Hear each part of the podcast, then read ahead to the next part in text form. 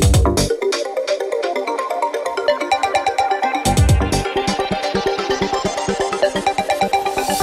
Labvakar! Latvijas rādio turpina ar ziņu dienesta sagatavoto pirmdienas 12. septembra dienas notikuma apskatu. Ar to studijā Pāzla Saktiņa. Vispirms īsi ieskats redzījuma tematos.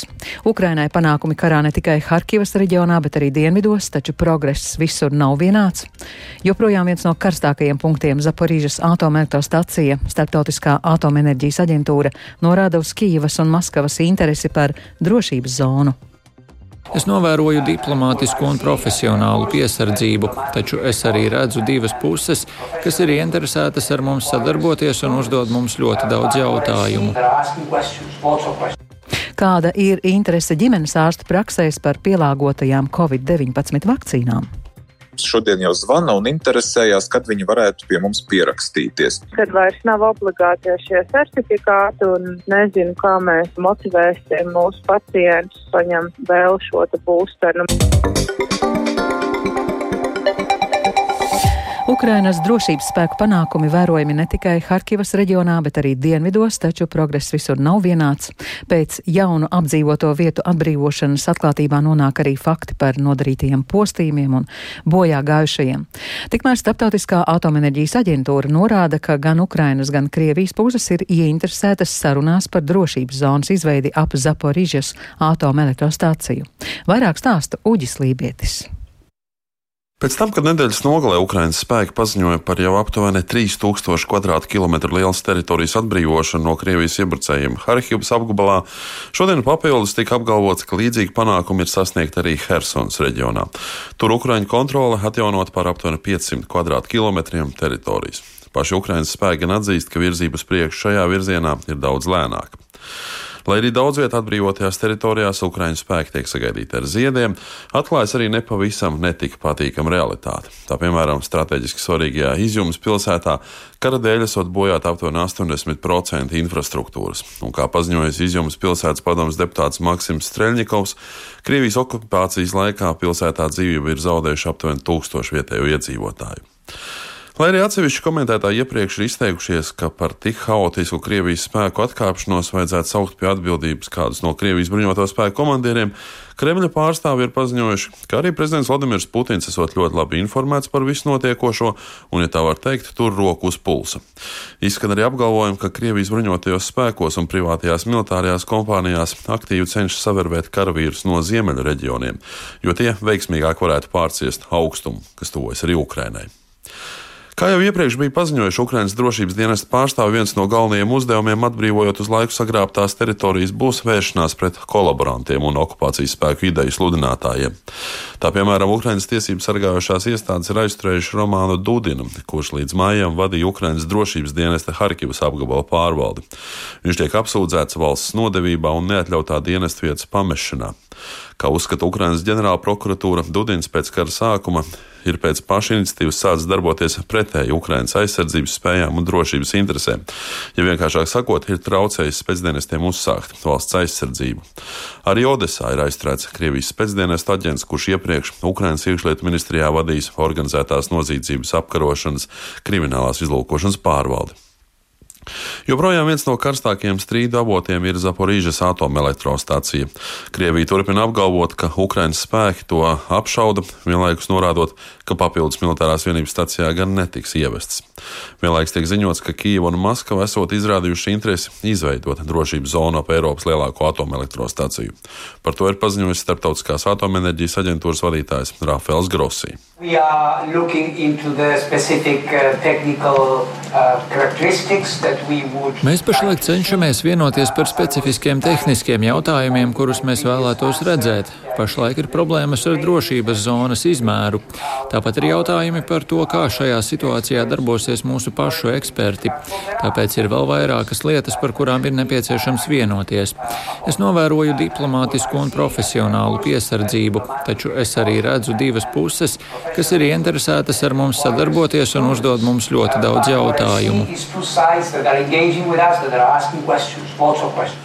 Tikmēr vēl viena starptautiskā organizācija, Pasaules veselības organizācija, pauž bažas, ka kara nomocītajā Ukrainā varētu strauji izplatīties gan covid-19, gan poliomielīts, jeb bērnu trieka. Pēc organizācijas aprēķiniem Covid saslimstība augstāko līmeni varētu sasniegt jau oktobrī. Savukārt poliomielītes saslimstība varētu veicināt zemie vakcinācijas rādītāji cilvēkiem dodoties bēgļu gaitās. Uģis Lībijams, Latvijas Radio. Norvēģija, kas ir kļuvusi par galveno gāzes piegādātāju Eiropai, skeptiski raugās uz Eiropas Savienības valstu ierosinājumu noteikt cenas griestus piegādājamajai gāzei. Par to paziņojas Norvēģijas premjerministrs Jūnas Gārs Tēre. Pēc viņu vārdiem tas neatrisinās galveno Eiropas problēmu. Turpina Uģis Lībietis. Lai arī Eiropas komisija ir piedāvājusi noteikt cenas griestus tikai no Krievijas importētajai gāzei, atsevišķas Eiropas Savienības dalībvalstis ir aicinājušas šādus ierobežojumus piemērot visai iegādātajai gāzei. Tas attiektos arī no ASV vai Norvēģijas saņemtajai sašķidrinātajai gāzei. Līdz šim Norvēģija, kas pēc Ukrainas kara sākuma ir bijusi viena no lielākajām ieguvējām, jo gāzes cenas ir strauji cēlušās, ir devusi priekšroku tam, lai par piegāžu līgumiem vienošanos panāk pašas naftas un gāzes kompānijas. Taču kā šodien telefona sarunā ar Eiropas komisijas prezidentu Urzulu Fonderleju norādījis Norvēģijas valdības vadītājs, lai arī Norvēģija diskusijām pieiet atvērti, maksimālās cenas noteikšana nemainīs pamat problēmu, proti to, ka Eiropai joprojām gāzes trūkst. Amerikas Savienoto Valstu prezidents Džo Baidens šodien parakstīs, parakstīs izpildu rīkojumu, lai atbalstītu Savienoto Valstu biotehnoloģiju sektora centienus stāties pretī augošajiem komerciālajiem konkurentiem Ķīnā. Kā paziņojušas Baltā nama amatpersonas, ASV biotehnoloģiju pētniecība ieņem vadošo pozīciju pasaulē, tomēr rūpnieciskie rezultāti arvien vairāk nonāk citu valstu rokās. Amatpersonas uzsver, ka biotehnoloģijas ietekmē arī globālo ekonomiku un trešdien Baltijā namā notiks sapulce, kurā paredzēts paziņot par jaunām investīcijām un programmām, lai veicinātu pētniecību un ražošanas un piegādes ķēžu nostiprināšanu. Turpina Rihards Plūme. Paredzams, ka ASV prezidenta rīkojums sniegs federālu atbalstu jomām, kas noteiks ASV līderību biotehnoloģiju jomā un valsts ekonomisko konkurētspēju nākamajās desmitgadēs. Tā norādījušas Baltā nama amatpersonas. Tas arī norāda, ka ASV ir jāpārvērš biotehnoloģiju inovācijas ekonomiskajos un sabiedriskajos ieguvumos visiem amerikāņiem, kamēr citas valstis, to starp un jo īpaši Ķīna, agresīvi iegulda šajā nozarē, radot risku. Baidena centieni atbalstīt biotehnoloģiju nozari saskan ar citu viņa vēstījumu pirms vidustermiņa vēlēšanām par to, ka viņš vēlas atgriezt ārpus valsts esošo rūpniecību savienotajās valstīs, īpaši koncentrējoties uz augsto tehnoloģiju uzņēmumiem.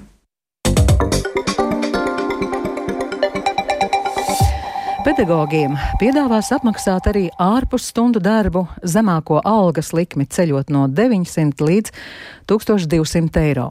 Tāpēc valdība veidojošo partijas sanāksmes paziņoja izglītības un zinātnes ministre Anita Muižniece no partijas konservatīviem.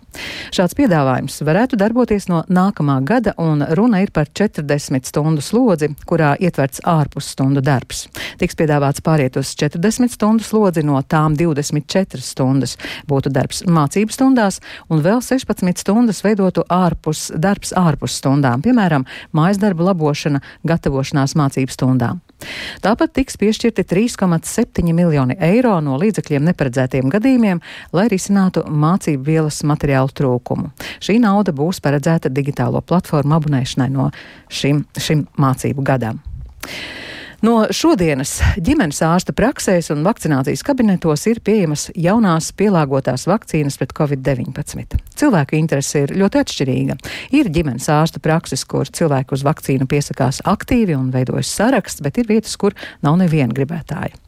Kā aizrit pirmā diena, kad Latvijā pieejamas pielāgotās covid-19 vakcīnas, skaidro Kristaps Feldmanis.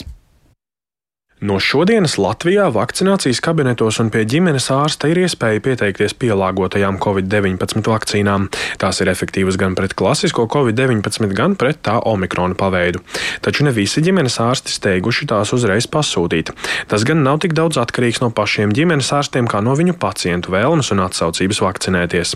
Visnotaļ skumju ainu iezīmē Liepājas ģimenes veselības centra ģimenes ārste Linda Reicle. Viņa jau vairāk kārt pandēmijas laikā ir stāstījusi, ka pasūtītās vakcīnas vakcīnas gluži vienkārši nesaņem.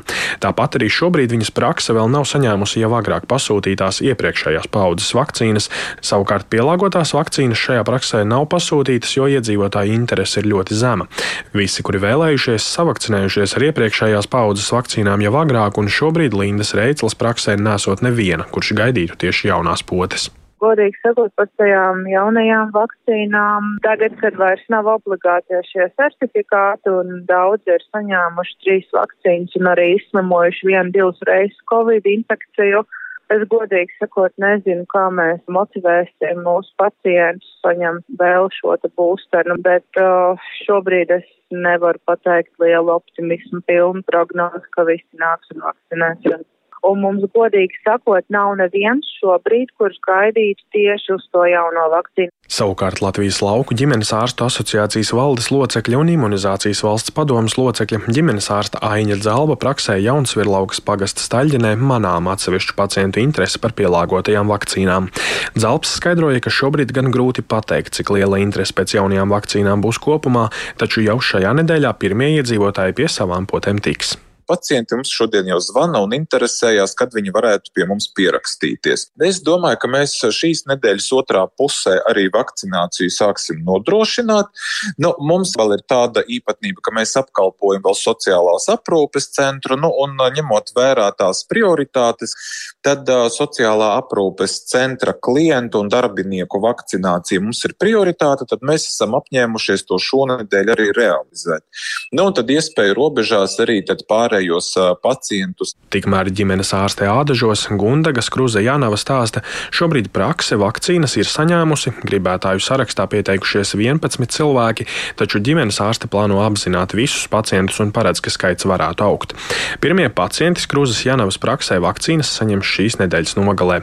Viņa gan paredz, lielāka interese no iedzīvotājiem radīsies tad, kad rudenī jau būs pieaugusi saslimstība cilvēki redz vispārējo noskaņojumu sabiedrībā. Tad, kad Covid atkal sāks kļūt par aktuālu problēmu, es domāju, ka tad arī prasība pēc vakcinācijas augs no cilvēku puses. Šobrīd mēs īsti esam kā sabiedrība nedaudz atslābuši, varbūt nepamatoti. Jāatzīmē, ka vakar un šodien 147 ģimenes ārstu prakses un vakcinācijas kabineti ārstniecības iestādēs jau saņēmuši teju 7000 jaunās vakcīnas devu.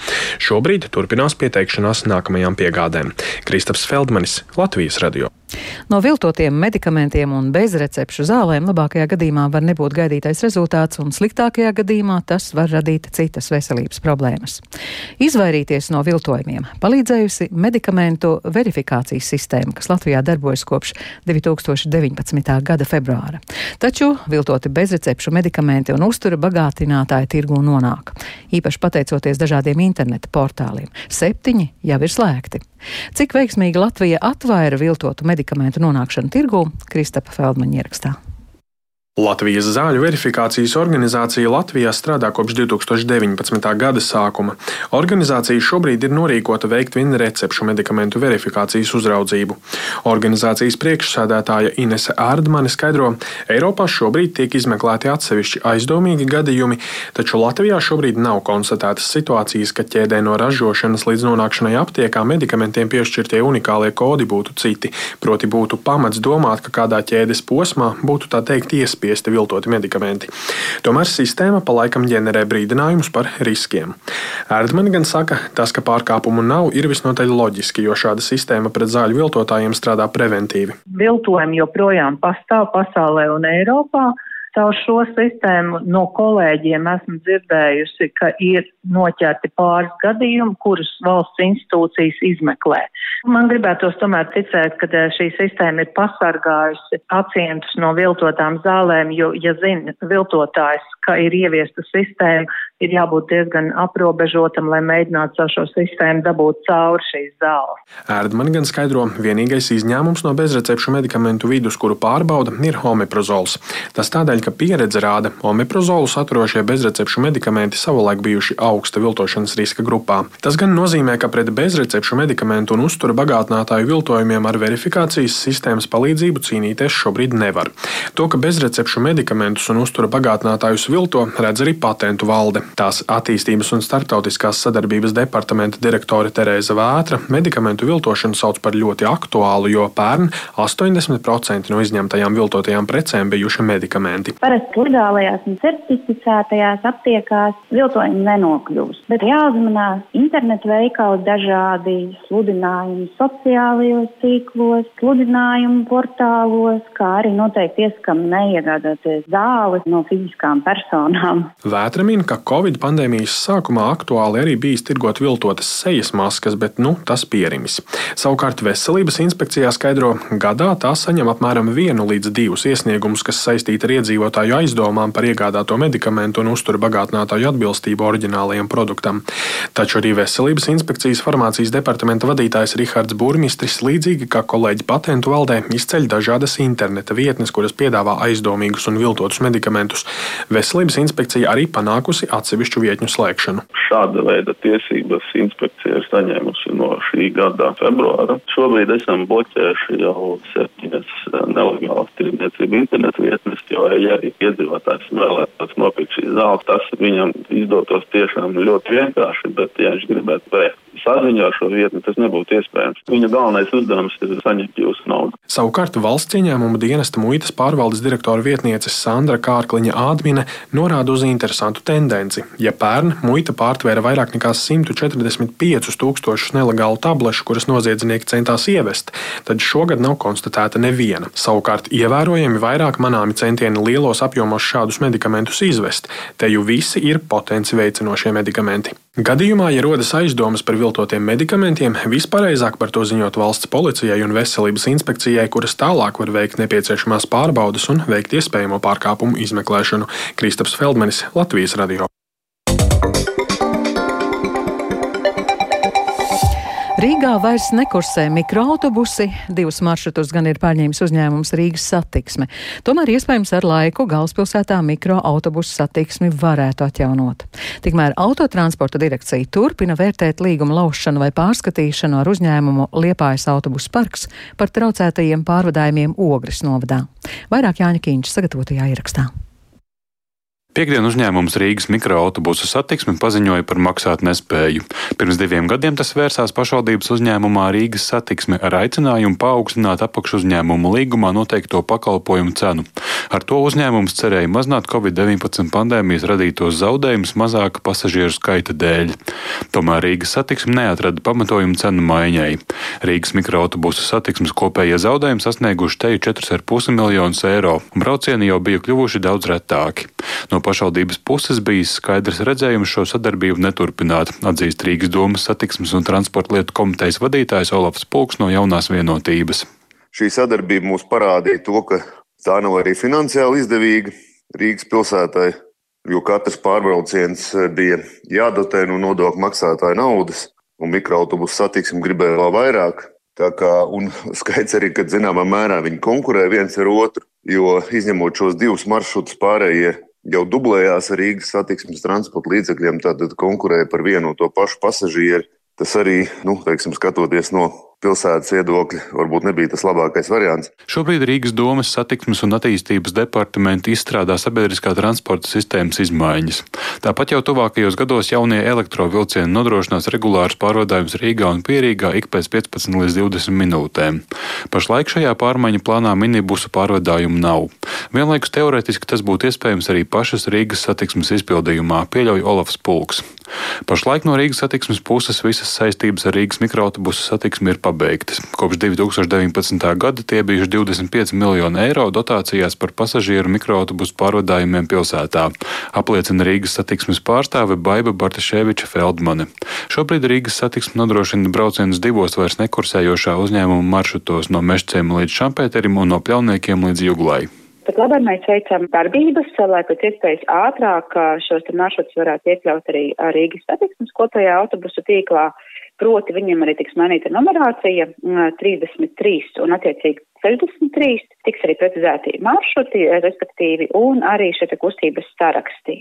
Līdz ar šīm darbībām paredzams, ka tad arī šajos autobusu maršrutos darbosies Rīgas domas noteiktās atlaides, kā arī pārējais produktu klāsts, proti mēnešu biļetes. Pārējie ekspresu maršruti gan ir slēgti un būs arī slēgti. Vienlaikus autotransporta direkcija turpina aptauju par citu pārvadātāju iespējām pārņemt braucienus Ogres novada teritorijā. Tur ar pārvadājumiem aizvien grūtības ar liepājas autobusu parkam. To apliecina arī teju ikdienu lasāmie paziņojumi uzņēmumu mājaslapā par vairākiem atceltiem reisiem. Vairāk problēmu saglabājas Ogres novadā, tāpēc iespējams noslēgto līgumu par pārvadājumiem Ogres un aizkrauklas novada maršrutu tīklos varētu laust daļēji, komentēja autotransporta direkcijas pārstāvis Viktors Zaķis šie visi pārkāpumi tiek uzskaitīti, un mēs sakojam līdzi, protams, visām šīm reizes neizpildēm un arī citiem pārkāpumiem, kas mums sākotnēji bija arī attiecībā uz, uz biļešu izsniegšanu un nepieturēšanu pieturiet. Protams, ka mēs esam skatījuši arī autotransporta direkcijas pusē par to, ka varētu iespējams, ka šos divus novadus atdalīt Jo, kā es pašā sākumā teicu, aizkrauklis novads nesaskarās šobrīd ar, ar, ar reisu neizpildēm. Problēmām pārvadājuma jomā uzmanību pievērsis arī valdības vadītājs, uzdodot satiksmes ministrijai izvērtēt iesaistīto institūciju un amatpersonu atbildību par pasažieru pārvadājumu problēmām Ogres un aizkrauklas novadiedzīvotājiem. Jānis Kincis, Latvijas radio.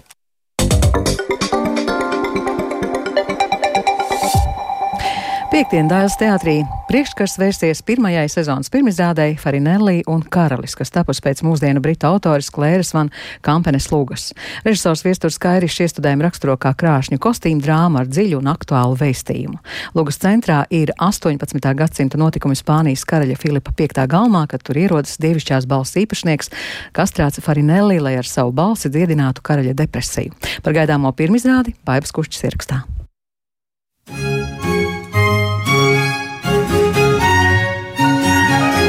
Viena no dēlas teātras šīs sezonas kopējām iezīmēm ir tā, ka taps daudz jaunu muzikālo izrāžu. Mūzikai būs ļoti svarīga loma arī pirmajā jauniestudējumā Farinelli un Karalis, ko režisors Viesturs Kairis raksturo kā izrāde ar barokāli operisku struktūru. Baroka laiks bija galējību laiks, kad vislielākā greznība pastāvēja līdzās visdziļākajam postam, un ar šo kontrastu kultūru labi sadarējās arī mākslīgi veidotā kastrātu balss, kad dievišķs skanējums tika panākts ar asiņainas ķirurģijas iejaukšanos eņģelis ar nazirokā. Tāda ir viestura kairiša metāfora baroka skaistumam, kas jau mūsdienu kontekstā dod iespēju runāt par skaistuma cenu un būtību visplašākajā nozīmē. Baroka principi tā bija absolūti mākslīga pasaule, un viņa aizveda no realitātes pilnīgi, pilnīgi un ārkārtīgi skaisti. Protams, ar tādu debišķīgu mūziku, un speciāli tam tika radīti šie kastrāti. Apmēram desmit gadu vecumā aizturēja to zēnu balsi, viņus kastrējot, un tad viņi visu dzīvi varēja dziedāt šajā balsī. Mūsdienu britu autores Klēras Van Kampenes lūga aizved uz 18. gadsimtu Spānijas karaļa Filipa V galmu, kad tur ierodas dievišķās balss īpašnieks, slavenais itāļu kastrāts Farinelli lai ar savu balsi dziedinātu karaļa depresiju un paranoju. Luga jau paredz, ka Farinelli lomā ir divi atveidotāji - aktieris un dziedātājs. Dailas teātris izrādē tie būs Artūrs Krastīņš un soprāns Rūdis Cebulis. Spānijas karaļa Filipa V lomā redzēsim ģirtu ķesteri, bet Izabela Farnēze būs Rēzija Kalniņa. Bet viestura Kairiša jaunieviesums izrādē ir vēl viens tēls - zirgs. Teātris to iegādājās vienīgajā vietā pasaulē, kur ražo zirga manekenus dabiskā zirga izmērā, un šī ražotne atrodas Dienvidāfrikā. Teātra direktors Juris Žagars to dēvē par traumu teātra budžetam, bet cer, ka tas attaisnosies tāpat kā citas kairiša līdzinējās trakās idejas. Dēles teātris piedāvās sešu jaunu iestudējumu pirmizrādes lielajā zālē un vismaz piecus jauniestudējumus mazajā zālē. Teātra direktors Juris Žagars uzsver, ka tos visus var raksturot ar vārdiem oriģināli, ekskluzīvi un izaicinoši. Kā liels teātris tas nevar atļauties knibināties, un tam ir vajadzīgi vērienīgi un ambiciozi darbi. Vērienīgs tiek solīts arī Leonarda Bernsteina mūzikla kandits iestudējums ar Latvijas Nacionālo simfonisko orķestri, ko iestudēs Gatis Šmits, un kurā galveno lomu dziedās Daumans Kalniņš, stāsta Juris Žagars. Mēs pirksim Dailas teātrim ļoti modernu akustisko sistēmu, kas pilnībā aiz aizvieto akustiskās koncertzāles skaņas Lielajā zālē taps arī Stīvena Edlija Girgisa provokatīvā luga pusnakts šaus ar jūdu izkarjotu, Mārtina Makdonas melnā komēdija īru miroņgalvas un Bertolda Brehta kaukāziešu krīta aplis. Baiba Kušķa, Latvijas radio. Un ar to izskan dienas notikuma apskats. Producents Edgar, mm, Viktors Pupiks ierakstus montēja Kaspars Groskops par labskaņu rūpējās Katrīna Bramberga. Ar jums runāja pārslas saktiņa. Īsti par svarīgāko. Pedagogiem piedāvās apmaksāt arī ārpusstundu darbu zemāko algas likmi ceļot no 900 līdz 1200 eiro. Startautiskā atomenerģijas aģentūra norāda uz Kīvas un Maskavas interesi izveidot drošības zonu ap Zaporīžas atomelektrostaciju. Yeah.